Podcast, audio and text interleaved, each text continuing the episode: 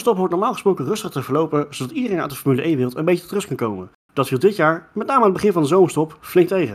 We hebben dus genoeg om over na te praten. En oh ja, we gaan deze week ook nog racen op het prachtige circuit van Spa-Francorchamps. We gaan snel van start met Studio Formule 1.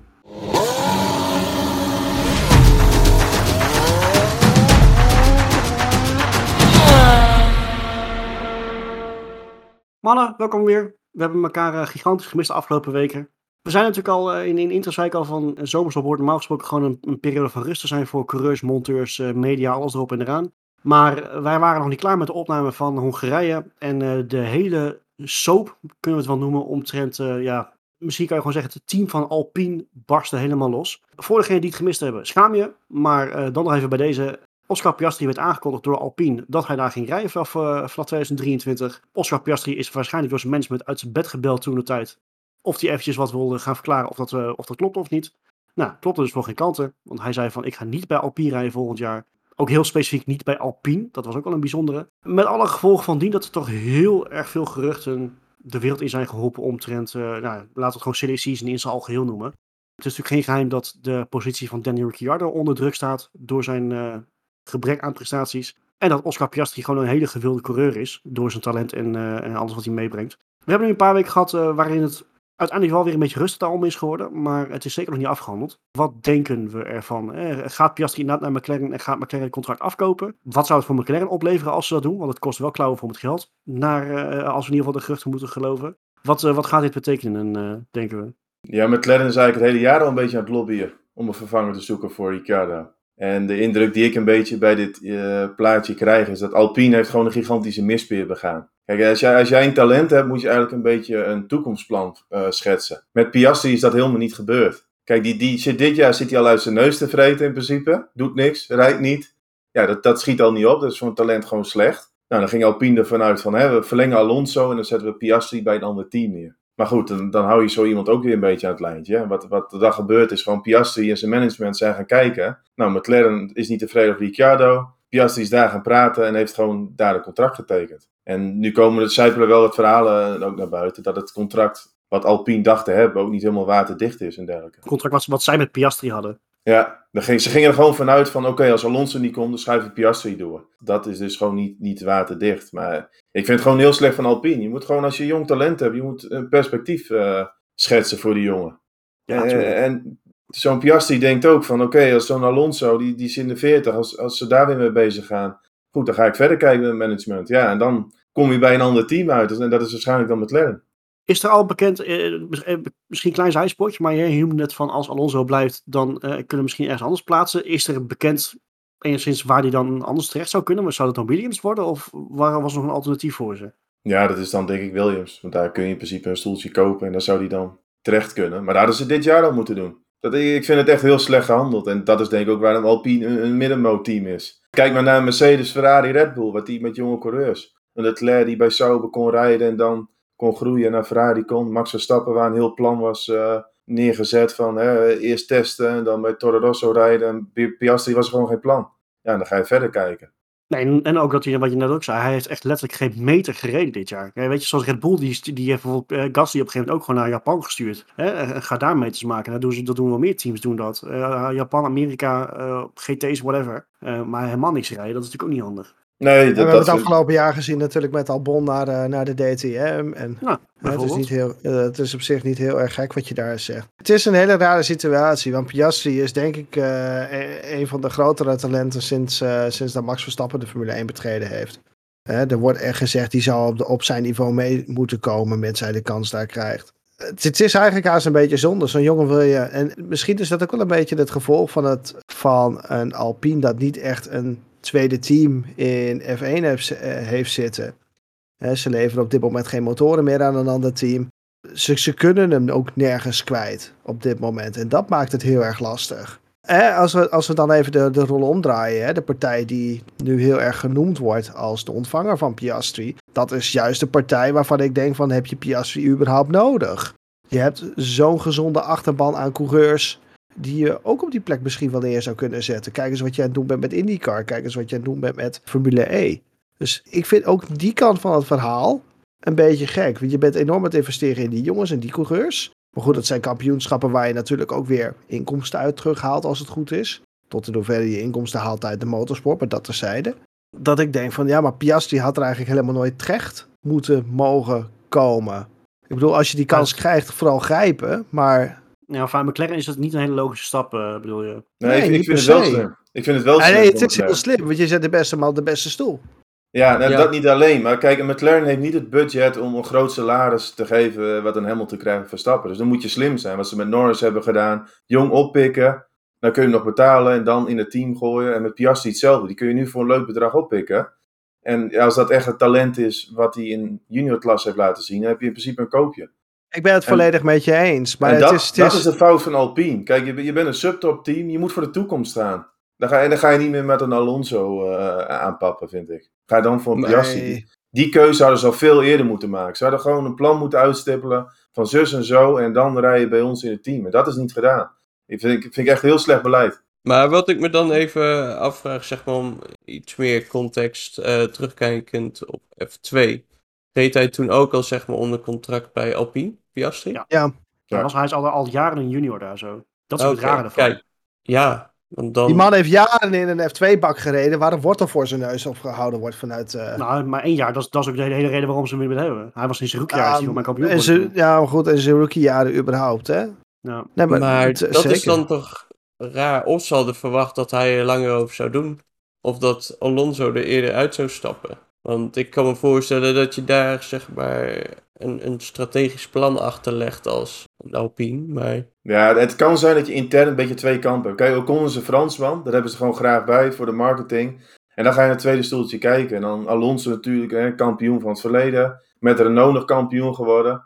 Maar goed, ik denk dat je altijd naar de toekomst moet kijken. Zeker een team als wat Alpine is wat, wat, wat moet groeien, dat, dan ga je voor de toekomst en niet voor een man van in de 40, vind ik zelf. Maar zou ook nog, zeg maar, want vorig jaar tussen 2021 en 2022 is Alpine nog weer een keer gewisseld van management. Heeft dat hier ook invloed op gehad, denken jullie? Nou, op zich, dat is wel een goed punt. Want je krijgt wel als je gaat wisselen van management. Iedereen heeft natuurlijk weer een andere visie. En ook met contracten. Want ik, ik denk dat dit ook niet helemaal waterdicht was. Want Alpine kwam natuurlijk met een persbericht. Oké, de Alonso die ging naar Aston Martin. Oké, dan schuiven wij even uh, Piastri door. Maar dat was dus een...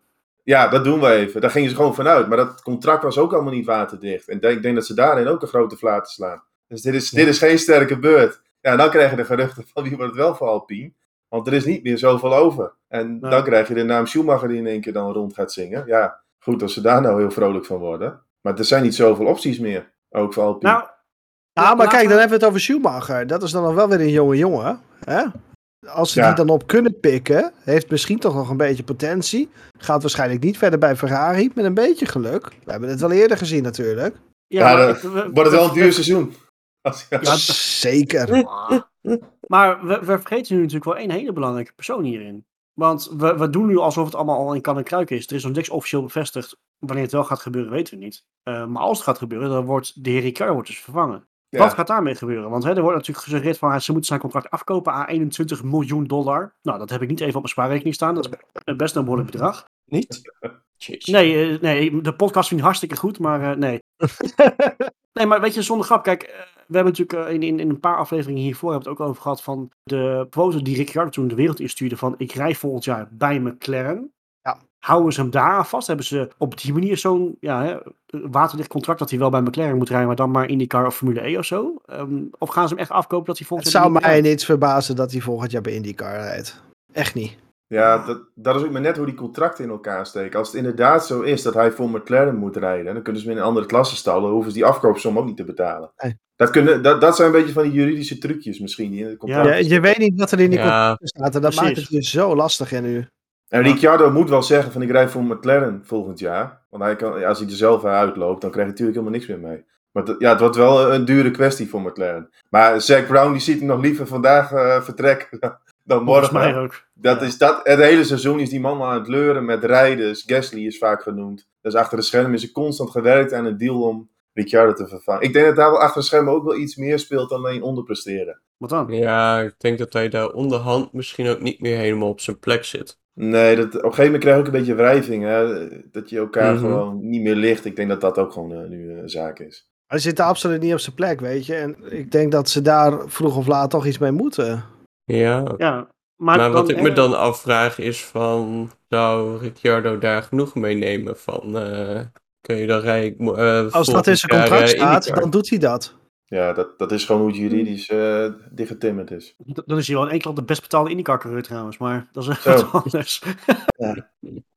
Maar het andere uh, gerucht wat natuurlijk gaat omtrent Ricciardo is dat hij dus weer terug gaat naar het oude nest bij Alpine. Natuurlijk voorheen was dan Renault, maar het is gewoon hetzelfde team in Enstone. Achter dat überhaupt realistisch? Waarom zou Alpine dat willen? Waarom zou Ricciardo dat willen? Vraag ik me dan af. Maar nou, Ricciardo misschien dat hij verder geen opties meer heeft. En voor Alpine, hij, heeft aan, hij heeft bij Renault best een redelijke periode gehad. Dus helemaal ondenkbaar vind ik dat niet. Nee, maar aan de andere kant, als Alpine zijn waar, waarin je moet investeren, als zij een Schumacher kunnen krijgen voor een, een miljoentje of twee, of Ricciardo voor, eh, voor tien keer zoveel, ja. Nou, moet heel reëel zijn. Eh, Schumacher dit jaar af, af, en toe wel leuke races, maar heel vaak ook niet natuurlijk.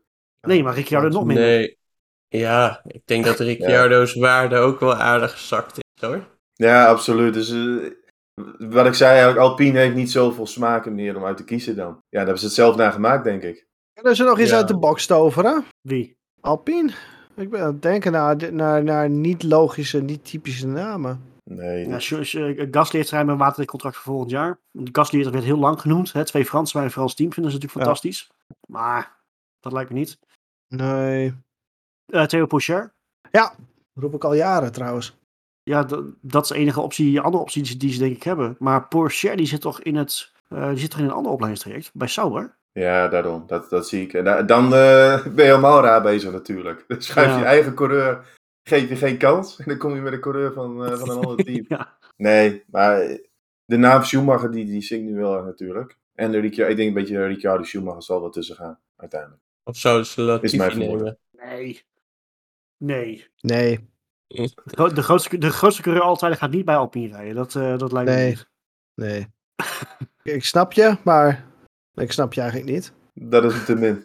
Ja, ik kijk gewoon zeg maar, nu naar een lijstje met coureurs die aan het eind van het seizoen geen seatje meer hebben. Dus, ja, uh, maar dat, dat zijn dus... Eh, Alpine loopt gewoon zwaar achter de feiten aan. Die hadden nooit verwacht dat Alonso naar Aston Martin zou gaan. En nee. daar, daar, daar gaat het al fout. Nee, maar dat had ik ook niet verwacht van Alonso. Ik, heeft daar heel weinig te zoeken.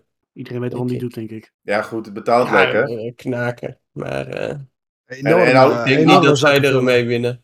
Ja, maar maakt het voor Alonso uit of hij nou P7 of P10. Uh, hij weet dat bij beide teams gaat hij toch niet winnen. Dus ik, daar zou ik ook voor de knaken gaan.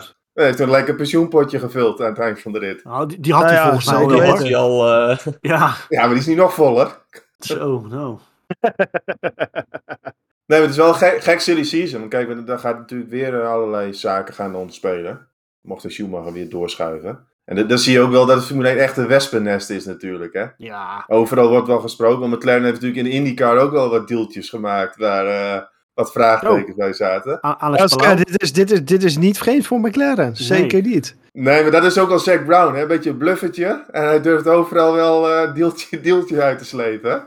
Hij is niet bang ja, voor ja, mensen tegen de voeten te trappen. Het is een, een echte zakenman. Echte klootzak is het. Ja, dat, dat moet je ook zijn. Je moet keihard zijn in deze wereld. En ja, je moet gewoon over lijken gaan. Dat blijkt wel weer. Ja, daarom. Nou, weet je, we gaan het zien. Uh, je hebt op zich wel vaker dat in de week van het Belgische Grand Prix dat er wel het een en ander aangekondigd wordt.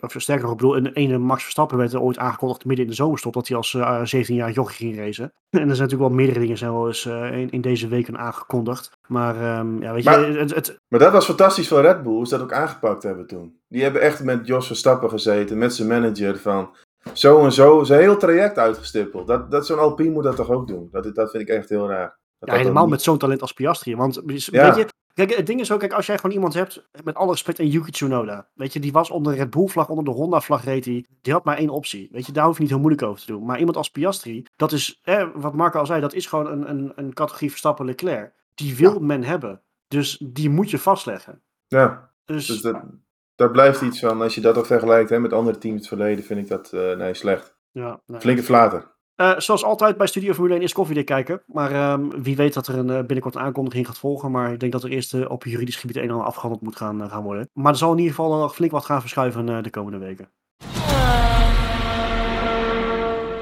Een ander bommetje wat toch is gevallen afgelopen week.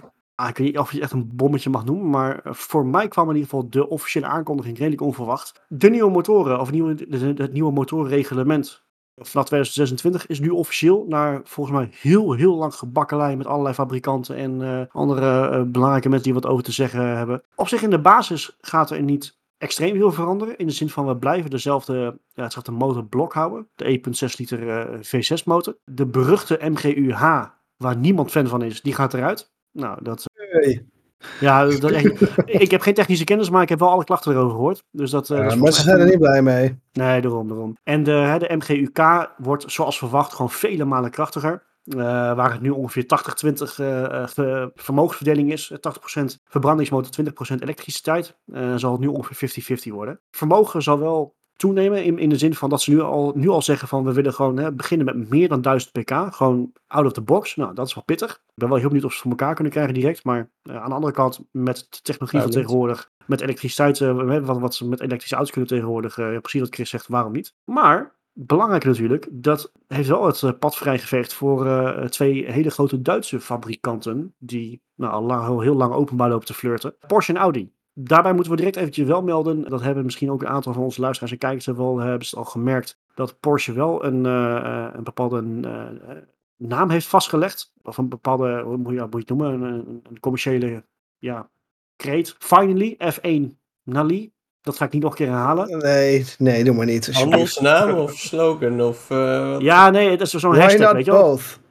Een beetje zo'n zo, zo hashtag idee van finally. Nou goed, hè, F1 finally, dan weet je al precies wat er gaat gebeuren. Dus die aankondiging die gaat gewoon komen. Alleen in wat voor vorm weten we natuurlijk niet. De geruchten gaan ze met Red Bull gaan, uh, gaan samenwerken. Mm Wat denken we van überhaupt van de motoren aan zich? Hè? Dat we wel hetzelfde blok houden. Potentieel nog steeds hetzelfde slechte geluid. Wat heel veel fans nog steeds zeggen. Ik vind nog steeds niks verkeerd mee, maar goed. Wat, uh, wat denken we ervan? Goede ontwikkeling dat we, dat we deze kant zo opgaan? Ik ben wel erg benieuwd naar de motorblokken aan zich. Wat ik wel heel interessant vind is het verbrandingsmotor deel van de, het vermogen wordt bijna gehalveerd ten opzichte van wat we nu hebben. Dat gaat maar, stop het maar in mijn genoeg, maar 500 pk hebben.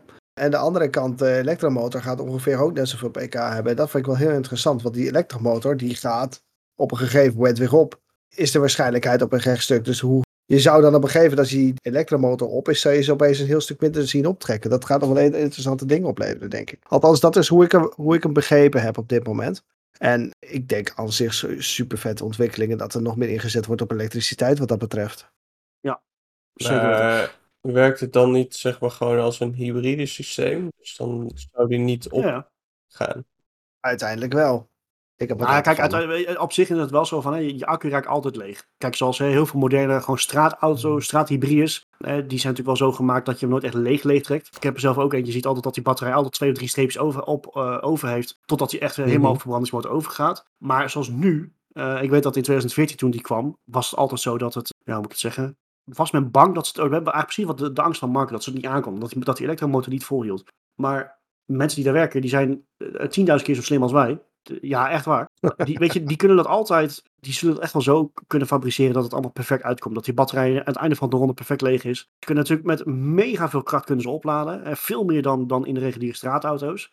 Ja. Dus ja, ik zie het eigenlijk in, op zich niet, niet heel somber in. Waar ik wel heel benieuwd naar ben, als je een beetje een vergelijking gaat maken met bijvoorbeeld uh, het werk, daar heb je bijvoorbeeld ook regels dat de hypercars, de, de hybride hypercars, moeten bijvoorbeeld altijd elektrisch wegrijden bij de pitstop. Ik noem maar wat. Ik ben heel benieuwd of, of je dat soort ook gaat krijgen. Hè, of ze, zijn wel hele interessante dingen, denk ik. Ja, daarom. Weet je, eh, of, of, elektrisch door de pitstraat. Ik noem maar wat. Want het kan wel, hè, dat je de auto zelf kan starten. Dat kan nu tot op zekere hoogte ook al met elektrisch wegrijden. Maar dat soort dingen zou ook heel veel uitvalbeurten kunnen voorkomen als jij sprinter hem laat afslaan. Ik noem maar wat. Weet je, dat soort dingen. Dus het, het heeft wel extreem veel potentie. Dat soort details komen natuurlijk allemaal toch in de komende ja, tijd, jaren. Maar potentie heeft het zeker. En helemaal als groot vermogen blijven houden. Ja, vooral, vooral het 50% elektrisch. Ik zou dan zeggen van Elon Musk met uh, Tesla, stap maar in. Ach, jezus. Nee, nee, maar zonder gekheid. Het leukste vind ik wel dat, dat dan Porsche en Audi, die komen nu gewoon. Ja, Porsche gaat gewoon instappen bij Red Bull. En dat wordt ook wel een serieuze deal. Die willen ze ook echt inkopen. De Red Bull Technology willen ze voor 50% Dat, dat schijnen ze al gedaan te hebben, toch? Ja. Want daar zijn al uh, wat geruchten van. Of, ja, in ieder geval, ja. Dat moet dan nog officieel... Uh, maar die geruchten zijn er al. Dus dat, dat gaat sowieso nu wel gebeuren. Nu dat motorreglement definitief is. We moeten natuurlijk wachten tot dat definitief werd. Um, nu vind ik dat als liefhebber nog niet zo spannend. Kijk, tuurlijk, de, de naam Porsche is geweldig. Met Red Bull.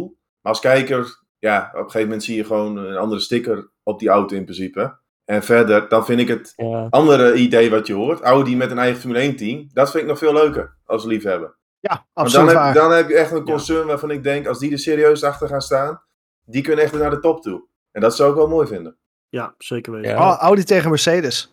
Ja, kijk, dat, dat, zou een leuke strijd dat zou fantastisch zijn. Want Red Bull is al een topteam. Dus, dus natuurlijk, die naam Porsche, dat is mooi. Hè? Dat maakt het allemaal even wat luxer, wat fraaier. Maar vind ik nog niet zo heel spannend. Maar als Audi mijn eigen team komt, ja, dat is wel iets waarvan ik denk zo. Weet je, wie trouwens, eh, weet je wie het meest blij is met de aankondiging van als Porsche gaat komen? Max Verstappen. Want hij mocht dat altijd doen met een Aston Martin. Daarna moest hij overstappen op een Hondaatje. Nu heeft hij helemaal niks. Dan heeft hij tenminste in ieder geval weer een leuke auto van de zaak. Ik bedoel, dat, daar gaat hij ja. flink op vooruit. Ja, kan hij wel gebruiken, denk ik. Zo, ja. Ik denk dat die snelle auto van de zaak dat hem dat belangrijker is, hoor. Ja, dat denk ik ook wel.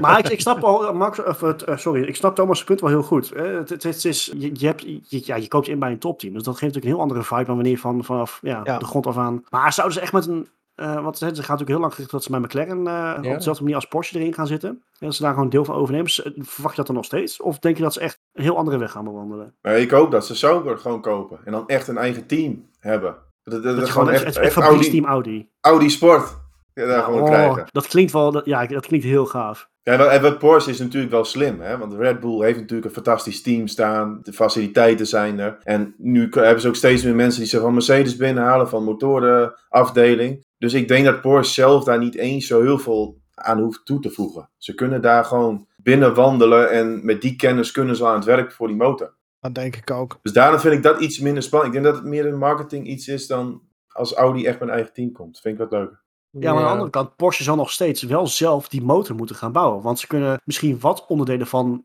Honda bij wijze van overnemen. Want het blok zal redelijk hetzelfde blijven. Porsche heeft genoeg middelen en mensen denken dat, ze, dat, dat ze die van de grond af aan kunnen opbouwen. Ja, maar het zal wel moeten. Het, het, het, komt nu een beetje over alsof Thomas denkt van ze komen er binnenlopen en er staat al een blok. Maar dat is natuurlijk niet zo. Nee, maar ik bedoel, kijk, Red Bull haalt nu mensen van Mercedes binnen, motorenafdeling. Die gaan al aan het werk. Die komen al met een concept. En over Porsche hoeft daar niet helemaal van nul te beginnen, wat Honda heeft gedaan. En, en ik ga je even uit die waan helpen, Roy. Daar ligt al lang en breed een blok. Oh, dat, dat denk ik ook wel, ja. Ja, ja. Dat maar moet wel, anders duurt het veel te lang om dat te ontwikkelen. Tuurlijk. Ja, dan, ik vind Aries best wel kort, hè. Want ze hebben, ja, best wel kort, 3,5 jaar. Maar, nee, wat? Ja, 3,5 jaar. Aries is dat voor zo'n project eigenlijk niet eens zo heel erg lang. Als je echt van af de grond moet beginnen, dus... Dat is best wel kort, hoor. Nee, maar dat, dat is dus die kennis van Red Bull Powertrains, die is er gewoon. Dus dat, dat is gewoon een heel groot voordeel in deze. Ja, zeker weten. Ik zou het nog wel mooi vinden, maar dat, dat kan dan uiteraard niet in de, de reglementen als zeg maar Red Bull met boksenmotoren zou rijden. Gaat natuurlijk qua reglementen niet gebeuren, maar dat zou wel mooi zijn. Oh, dan, dan krijg je hetzelfde als bij, uh, bij de GT-challenge of zo. Dat je gewoon allemaal van die dikke V8-ronden hebt rijden. Dan komt er één ja. zo'n jankende zescilinder komt dan doorscheuren, weet je wel. Oh, heerlijk. Ah, ja, ja. Ah, ja, ja, ja, ja. Ik weet precies wat je bedoelt, Roy. Ja, ik was, ik was je, bent, je bent natuurlijk bij de 24 uur geweest. Daar, daar, dat was echt, die klonk echt heel anders dan de rest. Ah, maar dat was porno. Dat was echt porno voor je oren. Dat, dat is niet ik, eens, niet eens grappig meer. Een tijdje terug waren ze natuurlijk op Assen ook, uh, op het circuit van Assen met Carrera Cup. Oh, ik, ja, ik, je moet ervan houden. Maar het is wel makkelijk. Ik wou net zeggen, want daar heeft verschillen ook smaak. Want ik vind die Porsche echt helemaal niks. Nee, het, nee. Doe, doe mij die Mercedes of die Astons maar. Dat gaan we nooit meer krijgen in de Formule helaas. nee, maar dat is wel... Maar nu we het toch over teams hebben. Ja, we hebben het nu over Porsche, die gaat de motor brengen. Audi uh, dreigt toch misschien toch wel zijn eigen team te krijgen. Wie, wie gaat er nu nog een keer met zijn vuist op tafel slaan, denk je? Andretti. Ik denk dat Andretti, als hij dit hoorde, gaan ze haren weer overeind staan. Nee, lijkt mij niet. Nou, als Audi gewoon een bestaand team overkoopt. Ik wou zeggen, Ja, en dat is, de, dat is denk ik ook wat Andretti al met al gewoon moet gaan doen op termijn, denk ik. Gewoon een team over gaan kopen straks, als ze wat willen. Ja, maar dat, dat is niet wat ze willen. zij willen als, als nieuwe inschrijving willen zij ja, Bombari uh, maken. Wat is, het echte, wat is het allerlaatste team dat zich nieuw heeft ingeschreven? Ik denk Haas. Maar is, is, Haas ook niet vanuit iets... Haas, Haas, Haas voor, Daarvoor hadden we de, de, de wonderen van HRT en Caterham. En, uh, ja, en dat, dat geeft alleen het probleem voor de, voor de grote teams is gewoon, een Andretti komt, maar wat gaan ze toevoegen? De kans is gewoon heel groot dat dat gewoon een, een veldvuller wordt. En dan snap ik de teams wel. Je gaat natuurlijk dat, dat inkomen, ga je in één keer delen door 11 teams, in plaats van door 10 teams. Dus er blijft minder over voor de teams. Ja, maar dus ja, ze weten, ze weten het. Die niet zo zeker, die hebben zat pieken. Nee, tuurlijk, maar dat is, die zijn daar ook voor hun eigen belang. En dan snap ik het wel. Een Andretti heeft niet de middelen wat een Audi heeft natuurlijk. Een Audi kan echt iets toevoegen voor de show. Ja, maar Andretti commercieel gezien ook. Want, Natuurlijk. Met die neemt heel Amerika mee. Ik was zeggen, met Andretti naam in Amerika, dat is nog steeds een hele grote markt, hè? Ja, maar we hebben niet, niet de know-how en kennis om zelf echt een F1 auto te gaan ontwikkelen. Ik tegenvalt. Als de juiste mensen kunnen, kunnen charteren, ja, waarom niet? Ja, vanuit de... Dat doet Red Bull nu toch ook? Wat je net allemaal uitlegt. Andretti kent, eh, kent iedereen in de motorsportwereld.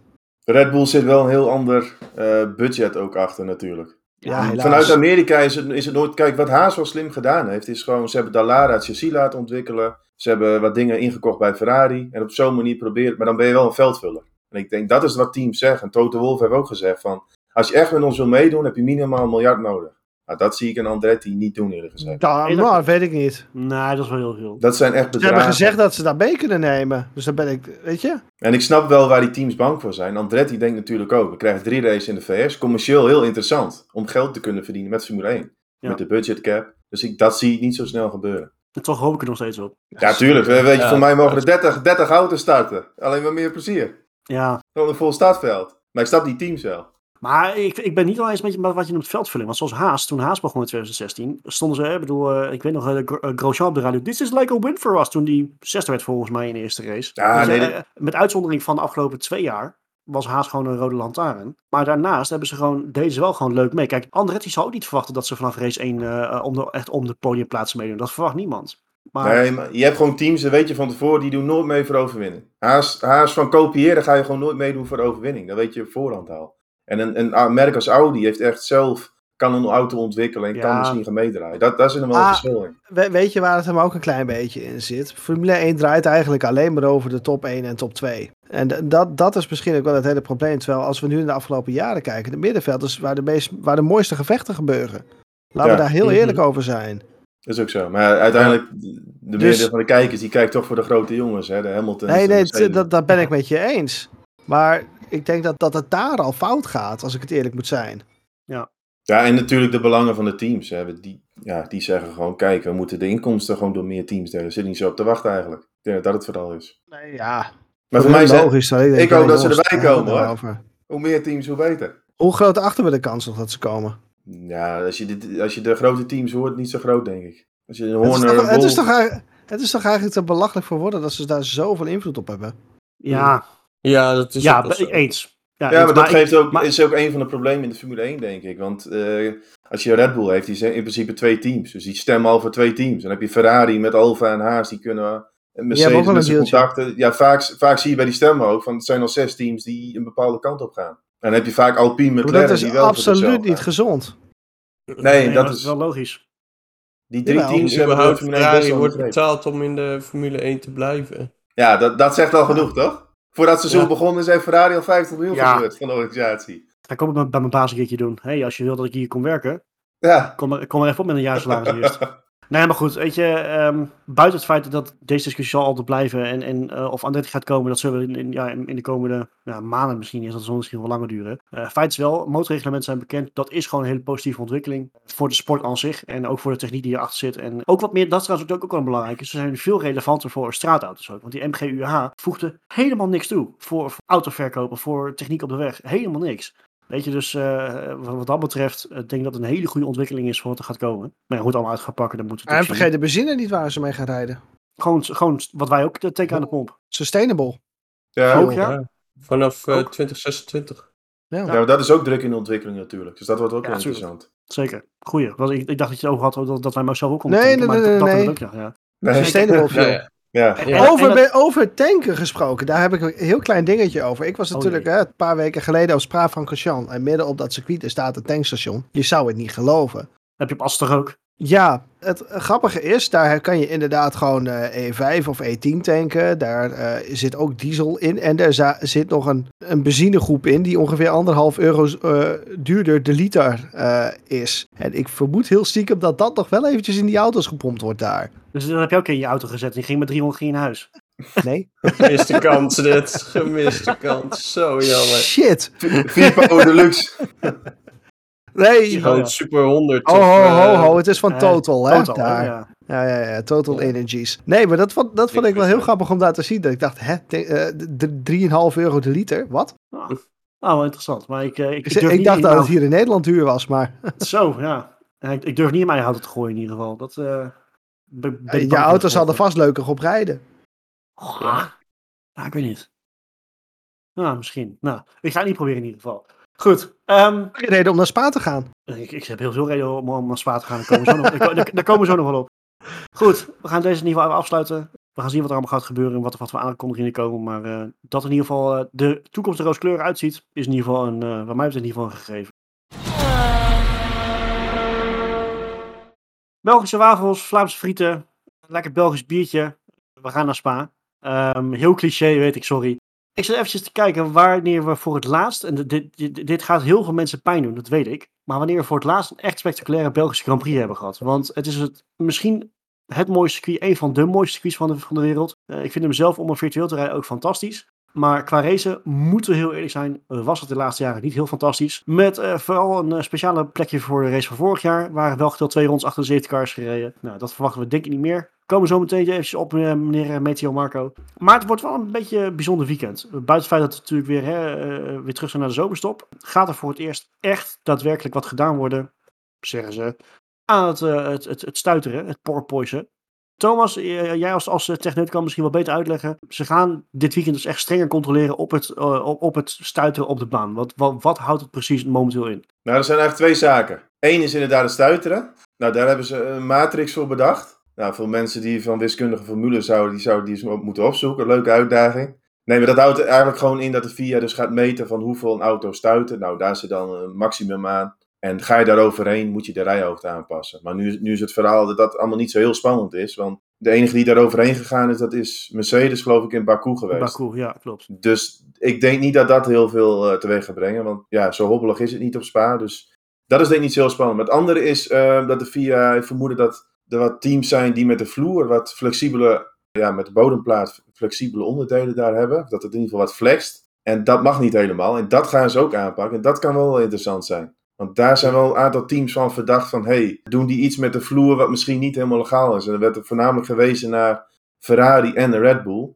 Ja. ja, goed. Dat is natuurlijk voor ons als kijker nou niet zichtbaar wat er met die vloer allemaal gebeurt. Maar er zijn wel aanwijzingen dat dus teams zijn, want anders doet de VIA dat ook niet. Die gaat het toch op andere manier testen en meten. Dat daar wat dingen zijn. Dat kan natuurlijk wel de rangorde een beetje gaan verschuiven. Want helemaal met dit reglement, je haalt die downforce uit de vloer. Dus als je daar een trucje hebt waardoor je nog meer downforce kan genereren, ja, heb je daar misschien in het, in het verleden wel voordeel bij gehad. En ik kan me nog een uitspraak herinneren van Russell, volgens mij was het naar Hongarije, die zei op een gegeven moment, ja, het is wel interessant om te zien hoe sommige teams de regels omtrent de vloer interpreteren. En nu zie je Mercedes ook in één keer beter presteren. Dus misschien zijn zij ook ergens achtergekomen met een trucje. Ik denk, ik denk nog steeds, dat hele spel van Mercedes toen, dat was eigenlijk één grote komedie. En dat was er misschien ook om, voor, om ervoor te zorgen dat de VIA's uitleg ging geven wat andere teams dan ja, deden of dat legaal is. Zodat je zelf weet van, hé, hey, kijk eens, zo kun je het dus doen. Dus dat, daar komt een beetje op neer. Eigenlijk twee zaken. Ja, die, die matrix, dat is denk ik niet zo heel spannend. Met, die, met, met de flexibele vloer. Dus met die bodemplaat, ja, dat kan dan wel uh, effect hebben op de rangorde. Verwachten we een verschuiving in de pickorde? Laat ik er gewoon direct uh, mee komen. Nou, dat is ik... hè? Want in eerste instantie werd heel erg gezegd dat al deze aanpassingen gedaan werden ten voordele van Mercedes. Ja. En heel vrij vlot werd dat ook weer tegengesproken van nou, Mercedes kan hier ook wel eens een probleem mee gaan krijgen. Want het kan hun... Dus ik denk stiekem dat het Mercedes letterlijk helemaal niks gaat doen nu. en ik denk stiekem dat het allemaal wel meevalt, want iedereen had er vrij veel last van. Linksom of rechtsom, of had er al wat aan gedaan. Ja, ik denk dat de verschillen marginaal zullen zijn. En wat ze precies met die vloer deden, ja, dat, dat kun je gewoon niet zien. Van een, van een vleugel kun je nog zien dat hij doorbuigt. Maar wat er bij die vloer gebeurt, ja, de VIA heeft, wat, heeft dus wel wat geconstateerd bij teams. Nou ja, je kunt allicht zeg maar het stuk aan de achterzijde, dus voor de achterwielen, daar zit best wel veel ruimte, die vloer. En daar kun je allicht nog wel zien dat het echt nou ja, je, je sowieso, je hebt, je hebt met de auto's van dit jaar natuurlijk gewoon simpelweg grondeffecten. Dus die auto wordt gewoon naar de grond gezogen. Dus op het moment dat daar, weet je, daar kan je gewoon flex in krijgen. Als je de boel al net even wat, uh, ja, weet je, ik ben geen techneut, maar als je, en dus met die vleugels, als je net even wat, wat flexibeler maakt, wat slapper maakt, weet je, als die auto naar de grond wordt gezogen, vering houdt hem boven de grond en die vloer wordt verder gezogen, ja, weet je, ik, ik noem maar wat. Misschien lacht iedereen me nu hartstikke kaart uit van wat, wat lult die, die Roy nou weer, maar uh, dat... Uh, Doen we altijd al. Ja, dat weet ik, dat geef ik helemaal niks. Nee, stukje, met zo'n trucje is die grondeffect natuurlijk nog groter. Daarom. Maar, ja, maar je moet wel de nodige flex hebben, anders breekt het carbon af. Dus er zal een marge in komen. Carbon is heel sterk hoor. Echt heel sterk. Ja, dat weet ik. Maar het moet wel... Het moet wel marges krijgen, want anders... Ja. ja. Breekt het. Zeg maar, het is niet iets wat scheurt. Carbon nee. breekt. Het, het, versplintert. Het versplintert ja. natuurlijk. En als je het niet de ruimte geeft om die beweging te, te laten maken, dan... dan breekt het af en dan... Dan krijg je dit, ja... Ja, goed. krijg je echt een splinter effect. Maar dat is nu de vraag van wie heeft er voordeel, wie heeft er nadeel. Ja, dat kun je niet weten, want je ziet gewoon niet precies wie wat doet. Maar als er in één keer twee Mercedes vooraan staan, dan weet je genoeg. Dan zijn Ferrari en Red Bull dus wel behoorlijk afgeremd. Ja, Dat is het een beetje. En dan krijg je daar weer geklagen over. Ik weet hoe dat gaat. Ja, ja nou, ik, ik, denk dat je gewoon een aantal races moet, ja, moet gaan kijken van eh, wie, wie presteert misschien in één keer een stuk minder, wie presteert ineens een stuk beter. Ik denk dat dat een beetje is. Kijk, voor 2023 zijn alweer andere reglementen. En dat is wat ingrijpender. Ik denk dat die meer effect hebben dan wat er nu gaat gebeuren. Ja, precies. Ik verwacht ook niet heel veel verandering. Uh, nou, toch even bij de, bij, de, bij de boekjes kijken hoeveel nog staat op Hamilton voor de titel. Misschien kan je nog wat winnen. Zo, dat zou, dat zou wel een wonder zijn. Och, jezus, dan, dan heb je een verhaal. Nou. Ja.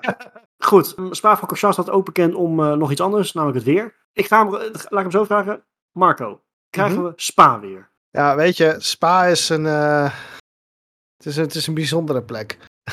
Nee, vorig jaar hebben we een, uh, een, race gezien die letterlijk en figuurlijk in het water liep. Als we nu kijken naar de voorspellingen, wordt er regen verwacht. Maar ja, het, is, het blijft spa. Weet je, jullie doen je best maar. Succes jongens. Succes ja, met voorspellen. Daar was ik al bang voor. Leuk, leuk. Ja, en wat interessant is natuurlijk de aanpassing aan het circuit. Ja. ja. Ik denk nog steeds dat, dat Eau Rouge, uh, hebben ze iets aangepast. Het is steeds van Formule 1 auto makkelijk flat, uh, als ik er zo naar kijk. En, en daar hebben we het natuurlijk ook even over. Hè, van wat zei de racer Spa misschien de laatste jaren. Wat het ook een beetje is. Misschien zijn de auto's Spa een beetje ontgroeid. Want in het verleden was Eau Rouge. Daar was gewoon de bocht. Daar moest je ballen voor hebben. Maar ik kan me nog herinneren dat Kimi Räikkönen een aantal seizoenen geleden zei. Ja, Eau Rouge, dat is gewoon een knikje voor mij. Daar kan ik met één hand aan sturen. Ja, ja. door zoveel downforce hebben ze nu. Je kan er makkelijk doorheen volgen. Nou, zelfs de, GT, de, de, de, de GT3's van tegenwoordig kunnen hem bijna voor, uh, de, de, oude, de oude Rouge wel. Ja, maar de nieuwe is, is wel een ander verhaal hoor. Ja. Ik, ik, maar wat Thomas zegt, ik vraag me af of het voor F1 niet nog steeds flat is. Dat, uh, daar heb je wel een heel goed punt. Maar hij is wel zeker, die knik is echt wel een stuk dieper geworden. We gaan het zien. Ik hoop vooral dat we geen grote klappers krijgen daar zo, maar dat zal wel niet. Ja, dat wordt het eigenlijk wel bij toch? En een klappertje op Rouge, als het maar goed afloopt. Dan kan uh, Jacques Villeneuve nog over meepraten als je het over ballen in Rouge hebt. Ja, maar dat, dat was inderdaad de tijd. Volgens mij was het 2000 zo'n beetje. Dan was het echt van, kon het net wel of kon het net niet. En dan maakt het hele Spa-gevoel ook een stuk spannender. En wat ik altijd bij Spa heb, dan, dan heb je een heel mooi lang rechtstuk richting Lecombe. Maar dan die DRS zorgt er gewoon voor dat, dat je zoveel overspeed hebt, dat je helemaal geen gevecht krijgt. Dan is het gewoon een soort mhm. knipperlichtje. Nou, ik, dan moet je dan nagaan dat ze, die dat, dat, ze dat DRS-punt al na de knik hebben liggen bij het opkomen, zeg maar. Dus dat ze er al mee wachten. Maar dat, ja. dat, dat is een eind lopen, jongens. Ja. ja.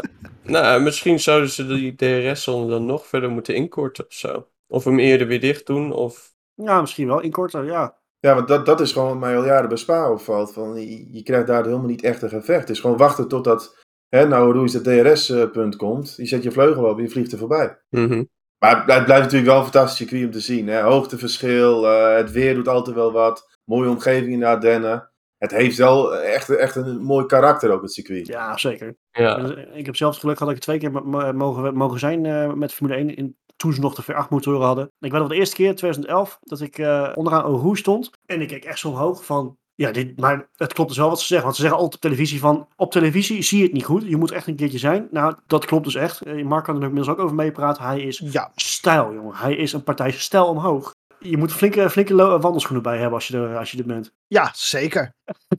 dat kan ik inmiddels beamen. Ja. Nou moet ik zeggen, iedereen heeft het dan, dan met uh, Spa wel over Eau Rouge, hoe stijl het daar is. En dat, dat is gewoon zo. Maar wat je, eh, en dat viel me vooral op, wat je vooral niet op tv ziet, Eau Rouge zie je nog wel een beetje, is alles wat naar Le Combe komt. Ja. Dat hele stuk naar beneden tot en met Pouhon, dat is zo belachelijk hard naar beneden. Ja, klopt. En coureurs vinden het ook fantastisch om te rijden. Als je Max Verstappen altijd hoort praten, iets zegt Spa is echt mijn favoriete circuit. Zoveel snelle bochten, zoveel flow zit er in dat circuit. Voor coureurs is het wel echt fantastisch natuurlijk. Het is ook, ik, je... ik, ben het wel met je eens. Spa is F1 wel ontgroeid. Ik vind het al jaren niks meer voor F1. Klopt, maar het is wel nog steeds een circuit waar, je, waar elk foutje wel, hè, omdat het zo hoge snelheid heeft, als je een Pohon een foutje maakt, je bent gigantisch de lul. Hè, nou, Pohon niet meer tegenwoordig. Er ligt alleen oh. maar één, groot stuk uitloopstrook. Het is alleen maar asfalt. Ja. En ja, terecht trouwens. Ja. Maar wat is het, hetgene wat ervoor zorgt dat ze het ontgroeid zijn? Want het is een best wel, het is geen smalle baan, het is een redelijk lange baan. Dus DRS in dit geval. Voornamelijk, ja. De eh, Spa is een van de weinige circuits waar, waar DRS nadelig is voor de competitie. Ja, en natuurlijk de afgelopen jaren waren die auto's die hadden zoveel vuile lucht dat je elkaar ook gewoon, omdat het zo belangrijk is. Als je, achter iemand zat in de roes, dan hing je in de hekken. Precies. Weet je, en dat heb je natuurlijk, dat zal als goed is dus dit jaar ook veel minder zijn. Dus het heeft dit jaar zeker wel weer potentie. En ik hoop echt dat we dus nog steeds de streak voort kunnen zetten van dat we nog geen enkele zware wedstrijd hebben gehad dit seizoen. Nee, kijk, en ik vind Spa, weet je, om naar te kijken blijft het ook gewoon mooi. Dan hoef je misschien een wedstrijd niet eens heel, want ik vind het wel mooi om die auto's door die snelle bochten te zien jakkeren. Dat is, blijft zelfs tv kijken wel, wel leuk om te zien. Absoluut. En, en wat, wat ook nog wel een rol gaat spelen, ik denk dat, dat je ook wel weer grid penalties gaat, eh, gaat zien. Want ik heb eens even naar het lijstje gekeken. Ik denk dat bijna alle coureurs die gaan een grid penalty krijgen dit jaar. Zitten allemaal bijna op de grens. Ja. Dat is echt. En dat heeft natuurlijk met reglement te maken. Want in september wordt ook het hybride gedeelte wordt dan bevroren voor de komende jaren. En dus nemen die teams constant heel veel risico om daar nog wel een goed uh, component te vinden. Dus dat, dat is dan wel een dingetje. En, en updates. Red Bull heeft nog steeds natuurlijk met dat gewicht waar je constant uh, berichten over leest. Ze schijnen nu met de nieuwe monocoque bezig te zijn. Die moet dan weer lichter zijn weer een aantal kilo's. Ja, die tweede seizoen zou wat wel interessant. Zeker omdat we Mercedes ook natuurlijk hebben zien aansluiten de laatste Mercedes wedstrijd. staat aardig aan de deur te trappelen hoor. Bij Ferrari absoluut sowieso, in, in, in beide standen. Ja. ja. dus ik kijk er ook wel gewoon naar uit. Hè. We gaan eindelijk weer, weer van start in Spa en dan tweede seizoen zelf. Ik denk als Mercedes er nog wat meer bij komt. Ja, goed, Verstappen zit natuurlijk wel in een zetel. Hè. En hij rijdt nu zoveel wassen. Die kan gewoon zeggen van, hè, tweede plek jongens, prima. Leclerc, win, win jij maar een keer. Hey Russell, win jij maar een keer. Ja, maar zo, zo, zo, ik denk dat hij ook echt zo rijdt momenteel. Dat, dat hij niet meer alles op alles gaat zetten om die overwinning maar te pakken. Ik denk dat hij daar al, gewoon absoluut vrede mee heeft. En dan zeg ik weer eventjes wat ik vorig jaar ook zei. Ik vind Max toch wel een beetje saai. Oh god. man, man. Door deze discussie weer. Dan mag je nou, nee, nee, Hongarije kun je dat wel helemaal niet meer zeggen. Nee, nee dat klopt. Dan ben ik, nee, dat is Hongarije dan ben je... Nee, nee, dan ben je een hele grote meneer. Daar, daar, daar kunnen we niks over zeggen. Daar heb je nou. helemaal gelijk in. Dan mag je hem ook aftrappen, Marco. Ja? Top 3. Komt u maar Top 3? Komt u maar door. Dan komt u maar door. Verstappen op 1, Leclerc op 2. Russell op 3. Oké. Ik denk niet dat hier de verschillen al gemaakt gaan worden. Ik denk wel dat Mercedes weer leuk mee gaat komen. En dat we weer gaan een, een bijna drie strijd gaan zien. Maar dit, is, dit moet hem gewoon voor Max gaan worden. Denk ik. En ik denk ook dat gezien de reputatie van Ferrari, hoe pijnlijk dan ook op dit moment. Ik wil niet direct zeggen dat ze wel weer een manier weten om te verkloten. Maar ze zijn gewoon, ze zijn geen enkele race foutloos geweest. Nee. En dat moet je op dit moment tegen een Red Bull en een Verstappen zijn, want anders werkt het echt voor geen meter. Goeie. Hele goede inderdaad. Ja, ik wil eens bij zeggen, we kunnen misschien als vreemde eten erbij nu gewoon een keer doen van in welke ronde gaat Ferrari het verkloten. Maar nou, laten we dat maar niet doen. um, nee, vreemde eten erbij. We hebben natuurlijk geen Belg meer in de Formule 1. Uh, eh, Stoffen van Doorn, die overigens afgelopen weekend wereldkampioen Formule 1 is geworden. Gefeliciteerd. Uh, het is wat, uh, wat waard, denk ik. Maar goed, die rijdt niet meer mee. Echter, we hebben wel een andere semi-Belg. Ja, Max Verstappen is ook een semi-Belg, weet ik. Um, ik kom volgende week. Ja, een beetje saai eigenlijk, maar goed. Wat zei ik nou? we hebben er nog eentje. Die hebben we al een keer eerder gehad dit seizoen. Maar goed, we hebben, we hebben meer races dan coureurs, dus dat gaat hem eh, sowieso niet worden. Lando Norris. En waarom zeg ik dat? Uh, Lando Norris heeft een Belgische moeder, een Vlaamse moeder, dus heeft gewoon Belgische roots. Fun fact, voor de luisteraars en kijkers die dat een keertje willen zien. Uh, hij heeft ooit een keertje bij onze vriend van de show, Jack Ploy, heeft hij een keer een interviewtje gegeven waarbij hij in Belgisch mocht gaan, mocht gaan tellen. En het was echt, met een Vlaamse accent ook echt, het was echt fantastisch. Luister maar een keer naar, dan zie je echt dat hij echt Belgische roots heeft. Hij zal ze niet, zal ze niet perfect kunnen redden in het, uh, in het Vlaams, maar dat was heel interessant om te zien. dus Marco, McLaren, Norris, wat, wat gaat hem worden? P6. Oh, oké. Dit is een circuit waarop McLaren nog wel eens een beetje weer naar voren zou kunnen komen, denk ik. Verklaar u nader. Wat zei? Verklaar u nader. Onderbuikgevoel. Mm, ja, maar dat moet je sowieso hebben bij McLaren. Nee, de combinatie van bochten, langzame, snelle bochten, lijkt heel erg op de circuits waar ze het afgelopen seizoen redelijk goed gedaan hebben.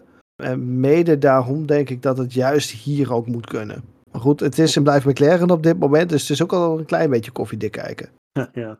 Ja, ze kunnen wel wat last hebben misschien op de rechte stukken. Daar zijn ze niet zo heel sterk. Maar snelle bochten is wel... maar zo extreem veel rechte stukken zijn er ook weer niet. Blanchimon is ook niet volledig recht. Nee, maar zijn wel, wel vol gaspunten natuurlijk. Ja, vol, vol gaspercentage ligt wel hoog op Spa. Ja, maar dan nog, snelle bochten is het anders dan rechtstuk. Ja. ja.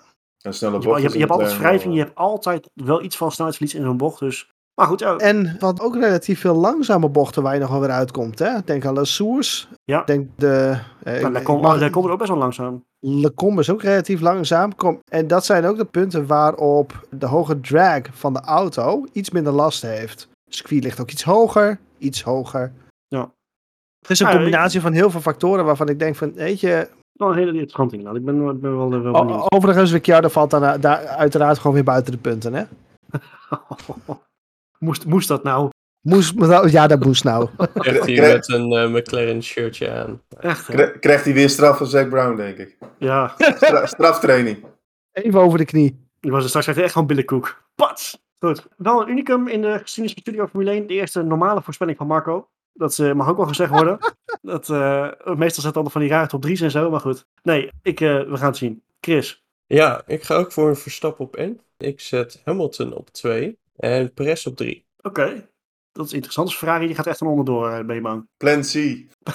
ja. ja. ik denk dat sowieso alweer wat uh, bedenken bij Ferrari. En de Red Bull doet het op de rechte stukken, nou ja, semi-rechte stukken, wat net uh, naar voren kwam, gewoon beter dan de dan de Ferrari. En ik denk dat Hamilton het hier goed gaat doen. Is hij vaker wel goed geweest. En ik denk dat die Mercedes onderhand wel, misschien nog niet de eerste komende, maar ik zie zeg maar uh, Mercedes het stokje wel overnemen. Van Ferrari als tweede team in het uh, kampioenschap. Ja, dus, ik ook. Zodoende. Ik, ik deel je gevoel. En het, het, ik vind het erg sneu voor Ferrari, maar... Wie had dat durven zeggen na Baku? Ja, nou echt hoor. Mercedes helemaal op hoop gereden werd. Ongelooflijk. En, uh, maar dat laat, wel, dat laat wel weer zien hoe zo'n team Mercedes is, hè? En Ferrari. Absoluut. Beide. En, en, en pijnlijk, maar ja. En uh, onze Belgische vriend Lendo? Ik denk P7. Oké. Okay. Nou, we gaan, hem, we gaan hem opschrijven. Thomas? Ja, ik word twee keer verstappen, maar ik ben het er wel mee eens eigenlijk. Ik denk ook wel een Red Bull baantje. Snel, lichte auto wel. Verstappen vindt altijd leuk. Nee, Verstappen op 1. Zet ik Hamilton op 2, Russell op 3. Ook een Mercedes sterk verwacht. Oké. Ja, ik, weet, ik vind het heel lastig Mercedes in te schatten. Maar ik verwacht ook wel een grid penalty. Zou me niet verbazen als Ferrari misschien hier pakt. Want hierna krijg je Monza. En ik denk niet dat Ferrari graag op zijn thuiscircuit een grid penalty gaat pakken. Dus ik speculeer er een beetje op. En Spa is wel een circuit waar je kunt terugkomen. Ja, zeker dus weten. In die zin denk ik dat er misschien best veel teams die denken van... Hé, hey, Spa, kun je nog terugkomen naar de Gears een grid penalty. Misschien krijg je wel echt uh, een chaotische grid. Dat je Ach, jee, tegen grid penalty ziet. Dat je in Brussel moet starten. Maar... dat, en, net als McLaren toen jaren terug. Dat ze 65 plekken straf hadden of zo. Ja, dat, dat oh, was man, knap. Man. Is ook zo. Ja, Landon Norris die wordt, uh, die wordt achtste. Oké. Okay. Nou, ik, uh, het spijt me zeer, maar ik ga niet met jullie mee. Ik ga de Nederlandse fans echt teleurstellen. En ik ga, ik ga het gewoon nog een keer proberen. Lewis Hamilton gaat zijn eerste overwinning van het seizoen pakken. Ik, uh, je bent stil, Marco. D dit komt van jou? Dit komt echt van mij, ja. ja maar Roy, Roy, heeft de belofte ja. gedaan. Hij zei dat Mercedes de tweede helft van het seizoen nog een race ging winnen. Dus hij moet ergens moet hij dat uh, ik, ga, ga, ik ga het gewoon elke week roepen. Ga, gaat gelijk. Dat niet wat het bingo is. Nee, ik, ik weet niet. Ik heb er een goed gevoel over. Lewis Hamilton gaat winnen. Leuk. Ik hoop het. het wordt ik zie het ook nog wel hier gebeuren. Ja. 1-2. Het wordt een 1-2. George Russell wordt tweede. En ik ben geneigd om te zeggen dat er iets met Max Verstappen gaat gebeuren. Dat hij hey, geen, dat gebeurt vaker. Ja, is wel vaak bij Spa zo. Ja, daarom. Al, driekwart van de fans weer naar huis. nou ja, ach jezus, hou op. Uh, fans weer naar huis. ik zeg toch Charles Leclerc op 3. En ik verwacht dus wel dat McLaren zwak is. Door de direct die ze nog steeds hebben. Dus Lennon Norris pakt, uh, ja, zwak. P10. Eén puntje. Ja, overwegend positief dat hij in elk geval punten pakt. Ja, dat nog weer wel. Maar ik, uh, ik heb er niet zo goed gevoel over. Juist door omdat die auto dus juist in het snelle gedeelte niet zo heel fantastisch is. Uh, okay. We gaan het, uh, ik, hoop dat, ik hoop dat ik ongelijk heb overigens. Hoor. Ik bedoel, McLaren, ja, ik, ik, ik, ik blijf er zwak voor hem nog steeds. Ik hoop dat ze gewoon vooraan meedoen. Of vooraan, maar ja. Hebben we volgens mij wel weer, alweer gehad. leuk om weer, weer terug te zijn. Na een, een toch bewogen zomerstop. Maar fijn om weer, weer los te gaan. Volgens mij kunnen we nog gaan afronden. Hebben we nog een, een nabrandertje die erin moet voor, voor de race van komend weekend? Fijn dat we gaan beginnen. Ja. Voor, de, uh, ja. voor de luisteraars of kijkers die naar Spa gaan, neem fatsoenlijke schoenen mee. En uh, hydrateer uzelf. Regenkleding. Oh, tip. Daar, daar, daar zeg ik niks meer over. Nou, doe, wat, uh, doe wat je leuk lijkt. Het is Spa. Ja. Ik heb één keer de fout gemaakt om wel zonder regenkleding te gaan. En vervolgens gleed ik letterlijk van het taluut af. Van de, van de... Ah, dat gaat daar vrij hard. Dat, ja, vrij stijl ook. Dus wat je ook kan doen, is nog een van de stoeltjes proberen mee te nemen, dat je een beetje kan zitten. Maar... En, en even wat anders, ik hoop niet dat dit voorlopig de laatste keer Spa is. Want natuurlijk ook, ook een circuit wat gewoon op de, op de wip... Uh... Ik wil het er niet over hebben. Maar ja, eens. ja, dat is niet te hopen, nee. Dat we dan nee. zondag denken van oké, dit was het dan voor een tijdje. Dat hoop ik toch niet. Nee, nee, goed, weet je, is ook afwachten. Maar ik, uh, ja, ik, uh, dat, de, ik denk dat eigenlijk iedereen wel hoopt dat, dat in ieder geval op de kalender blijft. Daar hoort er gewoon op. Maar goed, we gaan het, uh, we gaan het aanzien. Hey, en, en nog een ander ding waar ik heel blij mee ben. Grind in La Source. Geweldig. Ja, dat hadden ze zoveel eerder alweer moeten doen. Nu, nog in de rest. Oh, Oké, dan ga ik daar toch even wat over zeggen. Ik heb die discussie met jou al een tijdje geleden gevoerd, Thomas, natuurlijk. Hè? Grind, uitloopstroken, uh, dat soort zaken. Weet je wat een beetje het punt is? Vanuit F1-perspectief willen we graag wat meer gas en wat meer grind zien. Ik ben natuurlijk een aantal weken geleden bij de 24 uur van Spa geweest. Daar willen ze juist dus weer van een aantal grindbakken, een aantal gasplekken af. Ja, maar dat is het verschil. Ik rijd niet op het circuit, ik kijk. En als kijker vind ik Grind leuker. Ja, dat is het verschil. Daar ben ik volledig met je eens. Ik er last van. Tuurlijk, daar ben ik volledig met je eens. Uh, het verschil zit hem erin. En er rijden verschillende soorten klassen op verschillende circuits. Voor endurance races is het super nadelig om, om heel veel grind te hebben. Krijg je lekker banden van, rotzooi op circuit. Risico veel meer uitvallers. Wat ja, nee, het is wel risico van het vak, maar in een endurance race gebeurt er veel meer. En zei, weet je, je wilt niet met een, een race starten met 60 mannen met 10 eindigen. Ja, is een hele leuke discussie, gaan we, nu, gaan we niet nu voeren, denk ik. Nee, kijk, voor mij is het gewoon. Je hebt zo vaak discussies over track limits. En daar zit ik. En er zitten heel veel kijkers gewoon niet op te wachten. Dat je na de race nog een discussie nee, hebt. Ja, dat, dat is ook zo. Maar je kan niet elk circuit cateren naar Formule 1. En zeker, niet, en zeker niet een Spa-Francorchamps nu dat op de wip staat. Nee, tuurlijk. Maar er zijn, zijn ook altijd meerdere partijen die uh, daar een zegje over hebben. Maar ik, ik ben blij dat de grind bij de Source ligt. Hartstikke mooi. Ik, ik ook. Ik ben, ik, ik ben het je eens. Mooi. Dan gaan we afronden, jongens. We hebben er wel zin in. We gaan hopelijk eh, terugkijken op een uh, prachtig weekend. Wel even voor onze uh, grote menigte aan fans. De aflevering van de Grand Prix van België zal wat later online komen. Door verschillende vakanties en uh, reisjes en alles van, van ons team. We proberen hem dinsdag online te hebben in plaats van de maandag. Mocht dat gaan veranderen, dan zullen we dat zeker op onze verschillende kanalen delen. Voor nu in ieder geval, dank jullie wel. Mannen, bedankt voor de, voor de aanwezigheid, voor de leuke input en voor de gezonde discussies. Luisteraars, bedankt voor het luisteren. Kijkers, bedankt voor het kijken. En we zien jullie na de Prix van België. Zien jullie weer.